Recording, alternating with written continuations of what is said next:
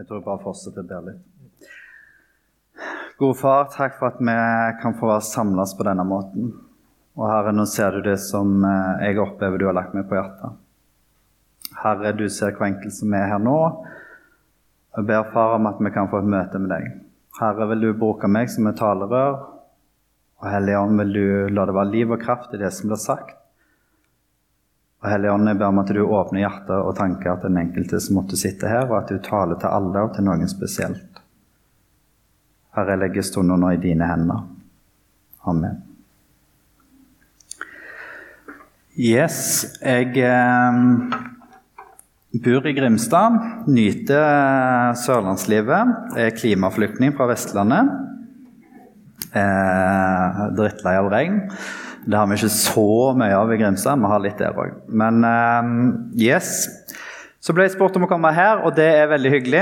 Uh, fint å være tilbake. Nå uh, er det løye med det at når en bor fem år vekke fra Oslo, så er det jo skifta ut ganske mye her. Men det pleier å være noen kjentfolk allikevel.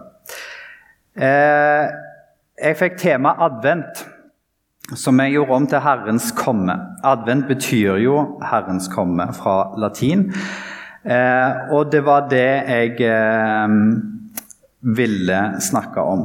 Eh, når det er advent, så er det jo òg fristende til å snakke om eh, eh, barnet i Betlehem som ble født. Nå var jeg i Israel bare for noen uker siden. Jeg skulle veldig gjerne hatt lysbilder og vist dere gripende situasjoner fra det lovede land.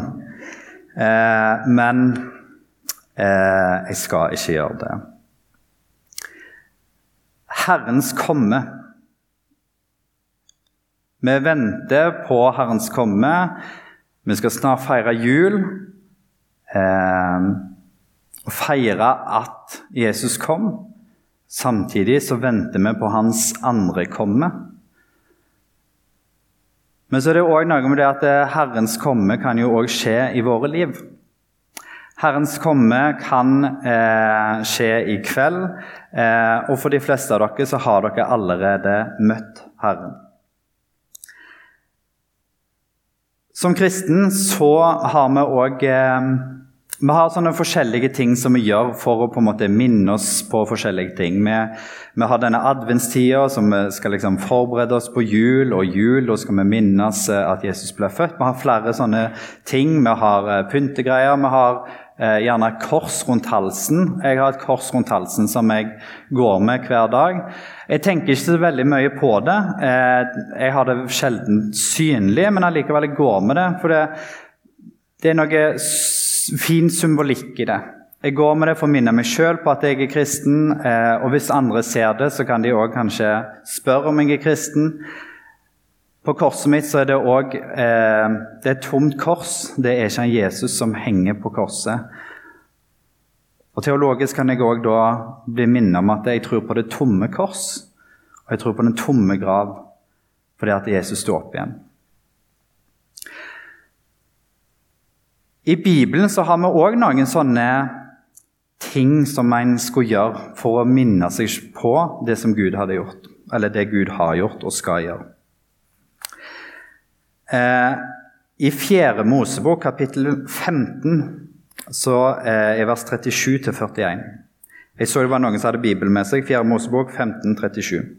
Så står det sånn Og Herren sa til Moses Tal til Israels barn og si til dem at de skal gjøre seg dusker på kantene av sine klær, slekt etter slekt, og de skal sette blå snor på hver enkelt dusk. Slike dusker skal dere ha, for når dere ser på dem, skal dere komme i hu alle Herrens bud og holde dem, og ikke fare hit og dit og følge etter deres eget hjerte og øyne, som lokker dere til hor. Slik skal dere også på alle mine bud holde dem og være hellige for deres Gud. Jeg er Herren deres Gud, som førte dere ut av landet Egypt for å være deres Gud. Jeg er Herren deres Gud. Dette kommer òg igjen bare helt kjapt i 5. Mosebok 22,12. Du skal lage deg dusker i, fire, i de fire hjørnene av kappen som du hyller deg i. Jeg vet ikke hva, om dere har møtt eh, eller sett så mange jøder, men det er, eh, blant jøder så er det mange som eh, Hvis de går vanlig kledd, så har de noen snorer som henger i buksekanten. Eh, det ser ut som bare en hvit tau som er knytta flere ganger. Eh, og Hvis du ser forskjellige jøder, så vil de òg eh, kanskje ha forskjellige varianter av disse snorene eller duskene. Dette var noe som eh, kommer ifra eh, Gud. Han sa dere skal lage dere noen dusker, eh, og det skal være blå snor. Eh, og Symbolikken i det er jo blåfargen eh, symboliserer Gud, og så har kanskje de andre snorene òg noe symbolikk. Veldig mye symbolikk i dette her. Og Poenget var at de skulle gå med dette her for å minne seg sjøl på Guds lov. Jeg skal huske på Guds lov. Minne meg sjøl på det å leve etter Hans bud. Og I det å gå med sånne dusker så er det én ting for seg sjøl, men òg for andre å synliggjøre at det, ja, men jeg er jøde, og jeg velger å følge etter Guds lov. Jeg har en Gud, og jeg følger Han og vil leve etter Hans bud. Vi går med kors, mens jødene de skulle gå med disse duskene. Dette er jo noe som ikke er overført til oss. Men i det å gå med disse duskene, så eh, har de òg det i sånne bønnesjal, eh, eller skjerf. På disse sjalene så har de òg en sånn blåfarge. og denne blåfargen, eh, Nå er det sånn at det mange er bare hvite fordi at de er redd for å ikke få til den rette fargen. For det skulle være en sånn slags himmelblå. Eh, hvis dere kjenner til Israels eh, flagg så har det to streker med davidsstjerner på seg. Og Dette er eh, tatt ifra dette bønnesjalet, som de har, henger over skuldrene, og som de tar over hodet når de skal be. Og I endene så har de disse duskene for å minne seg sjøl om at jeg vil være inn under Guds nåde, inn under Guds velsignelse, inn under Guds beskyttelse. Jeg vil følge hans lov. Og med å følge han og være en etterfølger av han, så vil òg han være min Gud med alt det bærer med seg av velsignelse, formaning osv.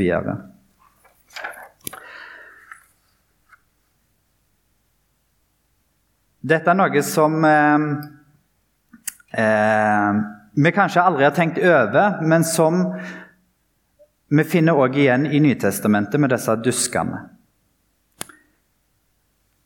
I Markus 6, 56 eh, så står det Og hvor enn han, altså Jesus, kom, til landsbyer, byer eller gårder, ble de syke satt ut på torget, og de ba om at de i det minste måtte få røre ved dusken på kappefliken hans.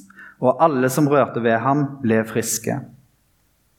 Jesus var jo sjøl jøde, som innebærer at han hadde jo òg sånne dusker på seg. Og Når vi leser sånn et vers, så vil vi kanskje bare lese uten å tenke over det. Men Jesus sjøl hadde òg sånne dusker i kappefliken eller kappekanten, eh, som var med og tydeliggjorde at han, eh, han var jøde. Han tilhørte Gud, han trodde på Gud, han ville følge Gud. Minne om Guds lov.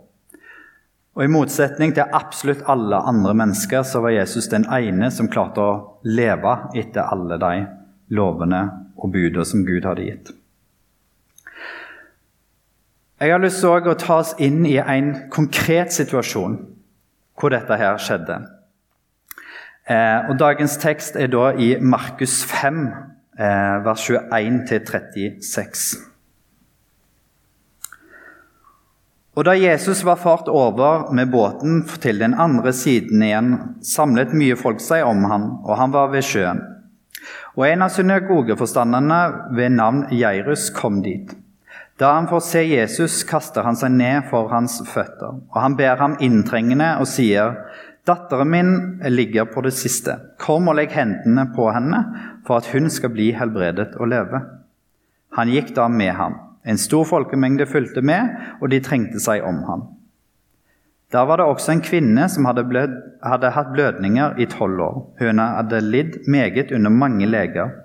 Alt det hun eide, hadde hun brukt uten å bli hjulpet. Det var heller blitt verre med henne. Hun hadde hørt om Jesus og kom nå bakfra i folkemengden og rørte ved kappen hans.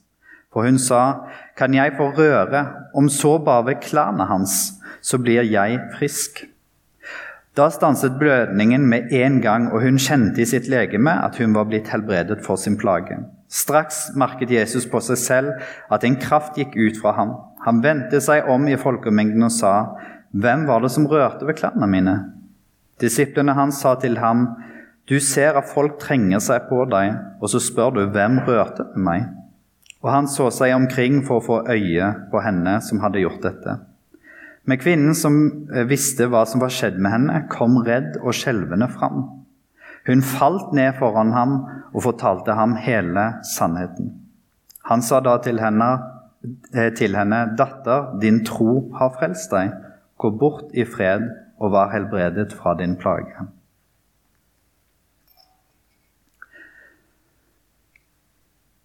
Det som skjer her, er at eh, Jesus har vært på andre sida av Genesaretsjøen. Eh, og så kommer han tilbake igjen, eh, og så er han i byen Kapernaum, en liten by. Og Der kommer Jairus, som er synagogeforstander, eller en av synagogeforstanderne. Vi hadde kanskje kalt det en av daglig leder, pastor, prest eller noe lignende. Og så kommer han og spør Jesus om å komme og legge hendene på datteren hans for helbredende. Sånn som vi leste i det eh, ene verset her. Der så det var syke folk, så la de de syke på gatene, om det var i byer, i landsbyer, på gårder osv. Hvis de hørte om at Jesus skulle gå forbi, så var håpet at Jesus skulle komme og legge hendene på dem og helbrede dem. Og om han ikke stoppet opp og la hendene på dem, så var i hvert fall håpet at de skulle klare å rekke liksom fram til klærne og ta i kantene av klærne hans for å bli helbredet. Jairus har hørt om Jesus, og han vet at Jesus er en som kan helbrede. Derfor så går han til han og ber han vil du komme og helbrede jenta mi. Også I denne situasjonen så møter vi ei dame som eh, har vært bløder i tolv år, står det.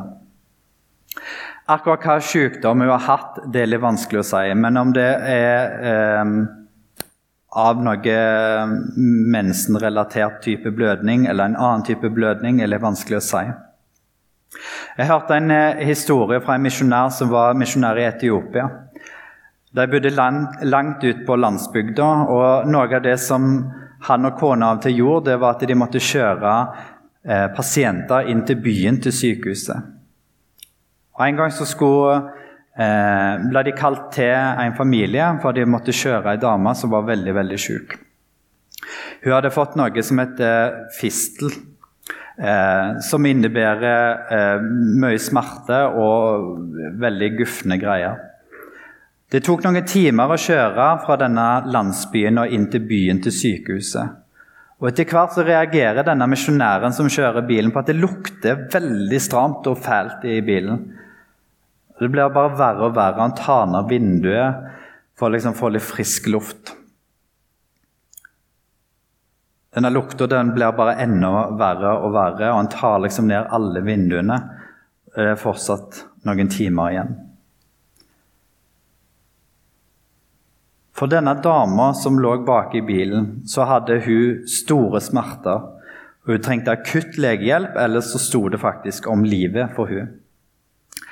Eh, og Det i seg selv var liksom greit for denne misjonæren, men akkurat kjøreturen ble jo veldig ubehagelig når det skulle lukte så fælt.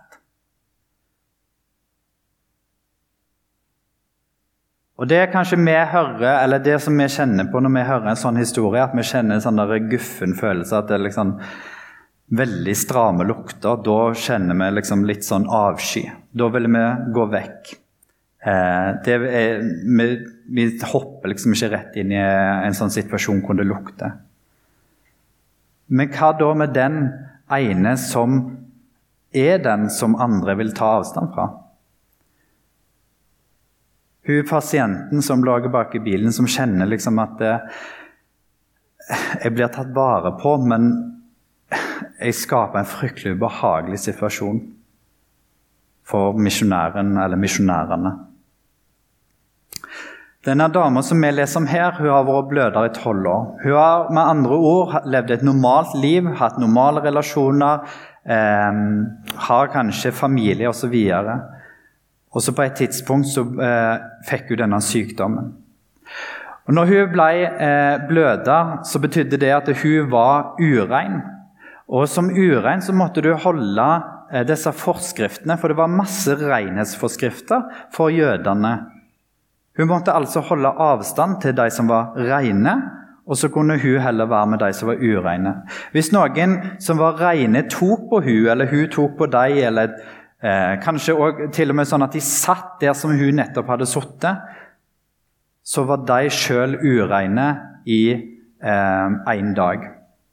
Og så var det noen sånn renselsesgreier for å bli rein igjen.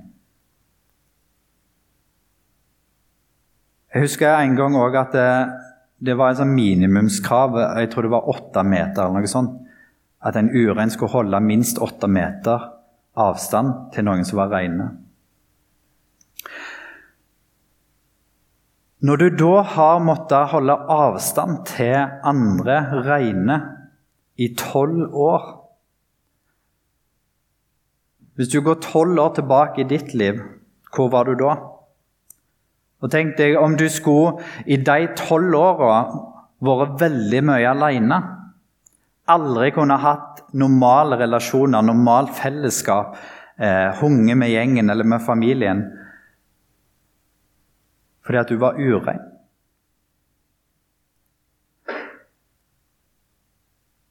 Vi får helt kort vite her at hun eh, har lidd masse. Hun har lidd meget under mange leger. Hun har prøvd desperat mange leger. Eh, og hun har brukt alt hun eier for å bli frisk. Men så har det heller blitt verre med henne. Da har det bygd seg opp en stor desperasjon for å bli frisk. Tenk hvis jeg har muligheten til å bli frisk. Da vil alt være vekke igjen. Da vil alt bli normalt, sånn som det var for tolv år siden. Da må jeg ikke holde den avstanden lenger. Og så står det her at hun hørte om Jesus. Hun hadde hørt om Jesus og kom nå bakfra i folkemengden for å røre ved kappen hans. Hun hadde hørt om Jesus, og i det så hadde hun fått ei tru som hun handla på. Hun valgte å gå til Jesus. Og Jeg har lyst til å vise et bilde som er av et maleri. Um,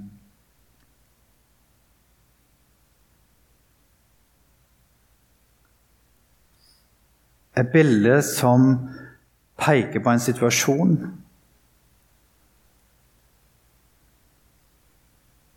Et bilde som ikke viser noen fjes, ingen ansiktsuttrykk. Som ikke viser reaksjonen eller noe sånt. Men bak dette bildet så er det tolv år med utenforskap. Tolv år med sykdom. Tolv år med desperasjon etter å bli frisk. Tolv år med legebesøk. Hun hadde hørt om Jesus. Og der kom hun for å ta i kappefliken, eller i dusken på kappen til Jesus, i håp om å bli frisk. Hun hadde ikke håp om at Jesus eller tydeligvis virker ikke som hun hadde håp om at Jesus skulle komme og ta på henne, for da ville jo han bli urein. Men hun hadde håp om å i fall få treffe eh, eller komme nært nok til å kunne ta i kappen hans. Dere ser òg at det er tjukt med folk rundt Jesus. og Det står også i teksten at det var en folkemengde som var omkransa rundt Jesus. Det myldra med folk. Og så trosser hun det, selv om det ikke er lov. Så går hun inn og tar i kappen til Jesus. For hun sa, 'Kan jeg få røre, om, ved, om så bare ved klærne hans, så vil jeg bli frisk.' Da stanset blødningen med en gang, og hun kjente i sitt legeme at hun var helbredet for sin plage. På et blunk ble hun frisk. Idet hun tok i kappen, i denne minnedusken eller uh, denne dusken eller kappefliken til Jesus, så ble hun frisk. Tenk det som hun så desperat har ønska og lengta etter så lenge. Og så får hun endelig oppleve det her i denne situasjonen.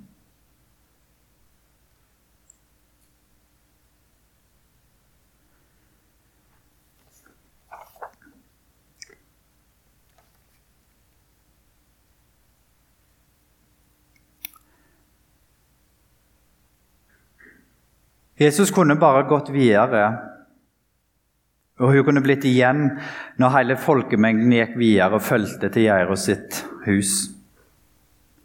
Men Jesus, han stopper opp.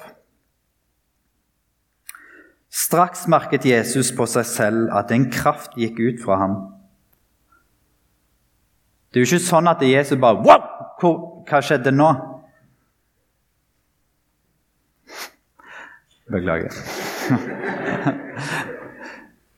For det er, litt, det er, jo litt, sånn vi kan tenke at det, liksom, det virker som at Jesus har bare, det, han oser i masse helbredelse som bare detter av han liksom, hvis noen tar borti han.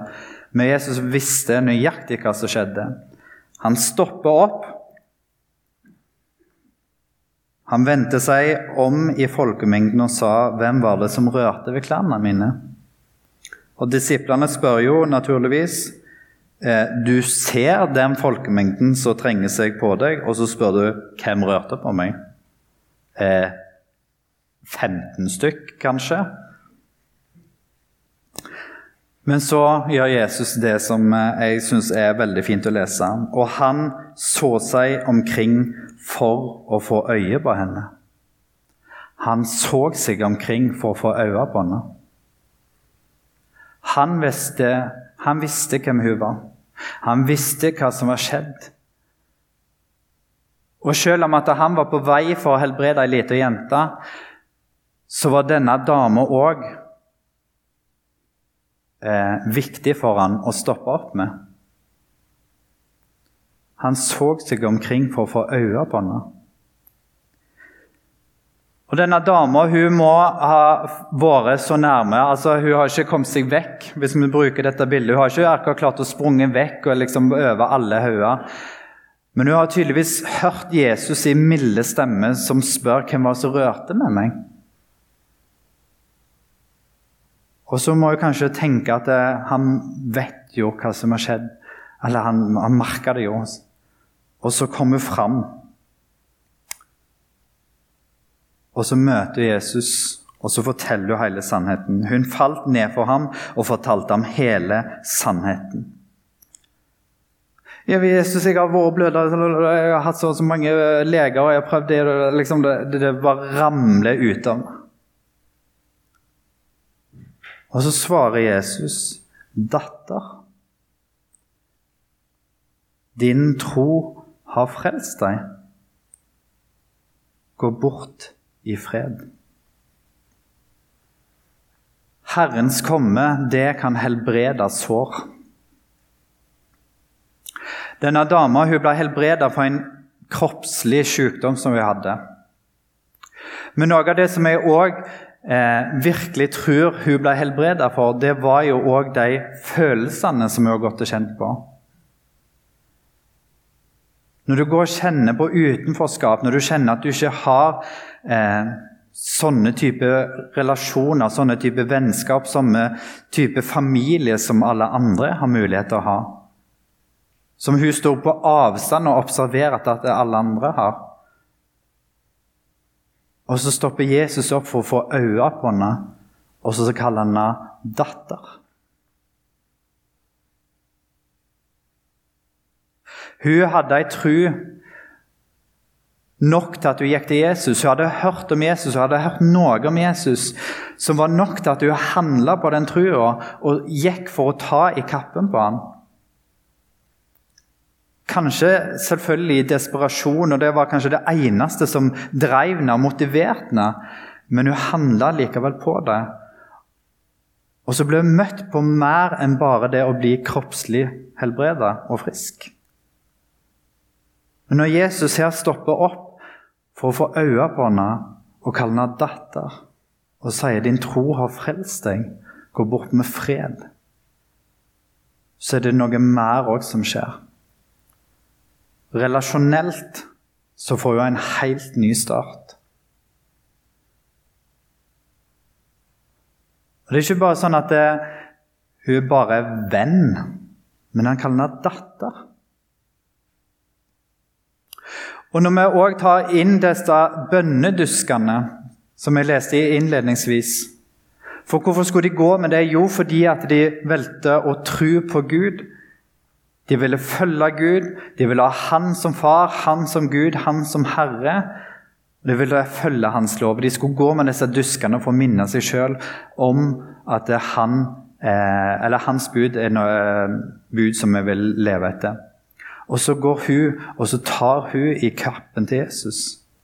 Fordi at hun vil være innunder Guds velsignelse og innunder Guds beskyttelse for å bli omfavna av Gud, av Jesus. Hun ble helbreda på flere plan. Både kropp, eh, kroppslig sykdom, men òg i forhold til relasjoner.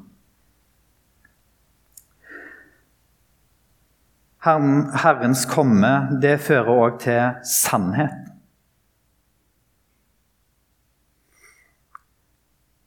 Når vi skal ha nattverd etterpå, så kommer vi til å ha synsbekjennelse. For å si sannheten om vår synd i, vår liv, i vårt liv. Når denne dama her skjønner at hun er avslørt, så kommer sannheten fram.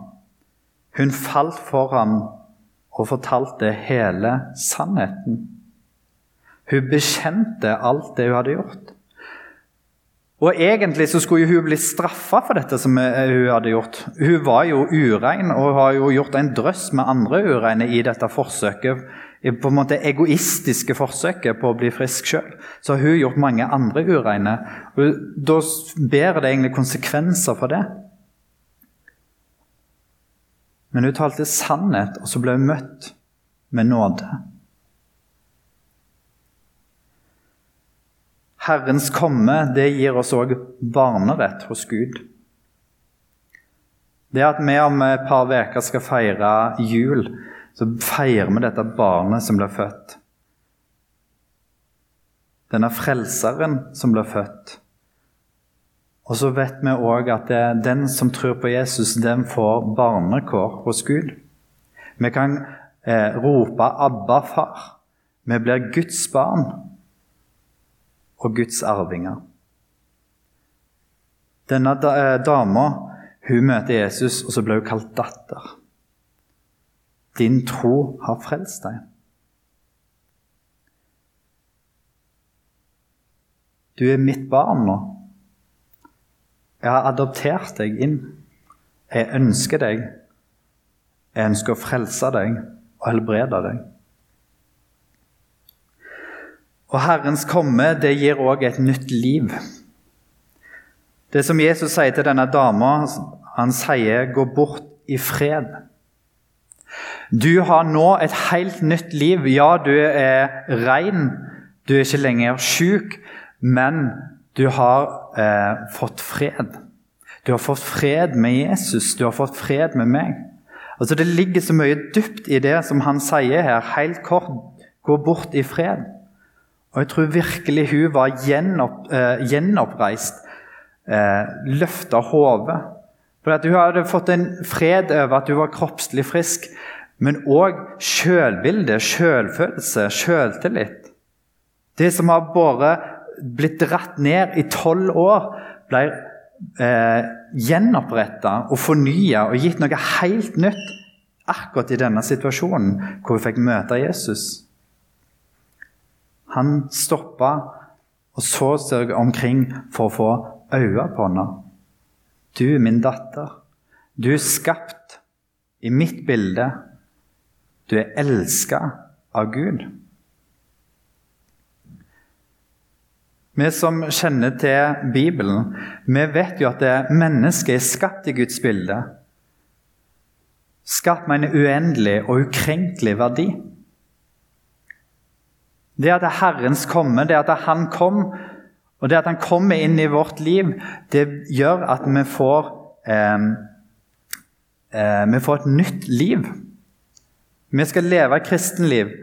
Eh, vi skal leve med Han, og det er mye utfordringer og opp og ned og att og fram med det, for all del. men det er et helt nytt liv. Herrens komme det gjør òg at han kommer med ånd og sannhet. I eh, Johannes 15, 26 så står det Eh, når talsmannen kommer, han som jeg skal sende dere fra far, sannhetens ånd, som går ut fra far, da skal dere vitne om meg. Johannes 16, 13. Men når sannhetens ånd kommer, skal han veilede dere, veilede dere til hele sannheten, for at han eh, skal ikke tale ut fra seg selv, men si det han hører, og gjøre kjent for dere det som skal komme. Og Jesus sier om seg sjøl i Johannes 14, 14,6 Jesus sier, 'Jeg er veien, sannheten og livet'. Ingen kommer til Far uten ved meg. Har dere kjent meg, skal dere også kjenne min far, for fra nå av kjenner dere ham og har sett ham. Det at Herren kommer, Herrens komme, det gjør at vi får se Gud. Vi får bli kjent med Gud. Og Det å ta imot Han gjør jo òg at vi får bli Hans barn. Det at vi tar imot Han og tror på Han, det gjør òg at vi tror på Han som er sannheten. Og Det at vi tror på Han, det gjør òg at vi får sannhetens ånd. Sannhetens ånd som taler sannhet om synd, sannhet om hvem vi er, og sannhet om hva Guds vilje er. Herren som eh, kommer får enorme konsekvenser. Så det er ikke sikkert vi alltid opplever det like sterkt eller klarer å ta det inn over oss på samme måte. Og Jeg tror denne dama som fikk møte Jesus den dagen, for henne fikk det enorme konsekvenser. Jeg tror det har enorme konsekvenser for oss. Og Min bønn er at vi, eh, at vi ber Jesus om at han må tale sannhet inn i våre liv. At han skal tale sannhet om hvem vi er. Tale sannhet om at vi er rettferdiggjort, taler sannhet om tilgivelse. I møte med sannheten så fikk denne dama et helt nytt liv. Og I en sånn forsamling som dette her, så, så kan vi kanskje òg ha så høy moral at eh, de som kjenner at de har levd et liv, eller kanskje òg lever et liv, hvor de ikke på en måte lever helt opp til den moralen, så begynner en å skjule ting, gjemme ting.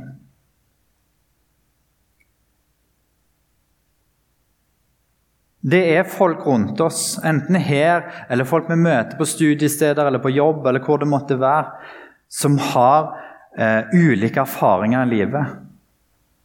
Sår som er skjult, skam som er skjult, som ikke kommer fram, men som trenger helbredelse. Denne dama hun var bløda, men hun hadde jo klær på seg. Det var jo ikke noe sånn synlig nødvendigvis. Men det var sånn at De som var ureine, de måtte rope 'urein, urein' hvis det var noen som var eh, på vei mot dem. Sånn at de ble liksom advart. Du må holde avstand. Men hvordan er det blant oss, blant eh, kristne brødre og søstre? Hva med de som går og bærer på dyp skam for forskjellige ting?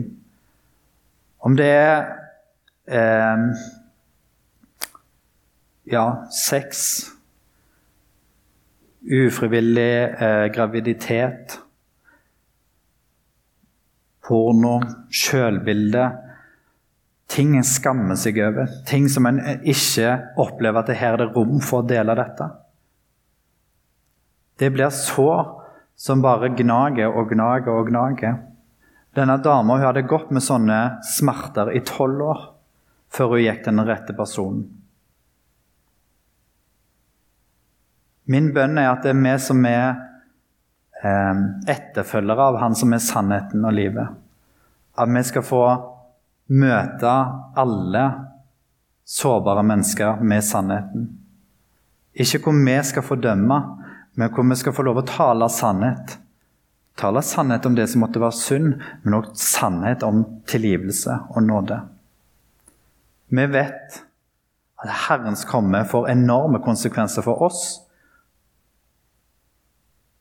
vi vet òg at Herrens komme kan ha enorm konsekvens i møte med et sånt menneske som kanskje ligner på denne dama.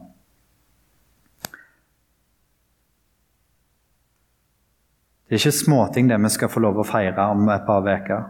Han som ble født, det er sannheten som ble født. Skal jeg be. Kjære Jesus, takk for at du er veien, sannheten og livet. Takk, Hellige Ånd, for at du er sannhetens ånd.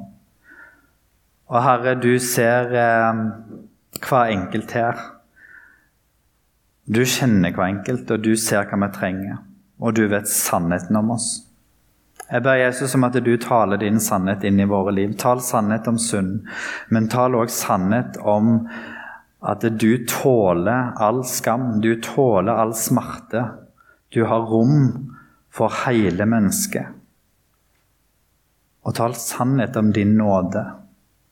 Tal sannhet om at det i deg er det fullstendig tilgivelse å få. Og Jesus, jeg ber om at eh, i møte med de som måtte trenge det, at eh, de kan få se at du helbreder og kan helbrede, sånn som du helbreder denne dama i Kapernaum. Herre, jeg ber om at eh, fellesskapet her kan være et fellesskap som bærer og peker og vitner om din sannhet, og lever i din sannhet. Hjelp oss, hver enkelt av oss, å leve det. Vil du velsigne hver enkelt i Jesu navn. Amen.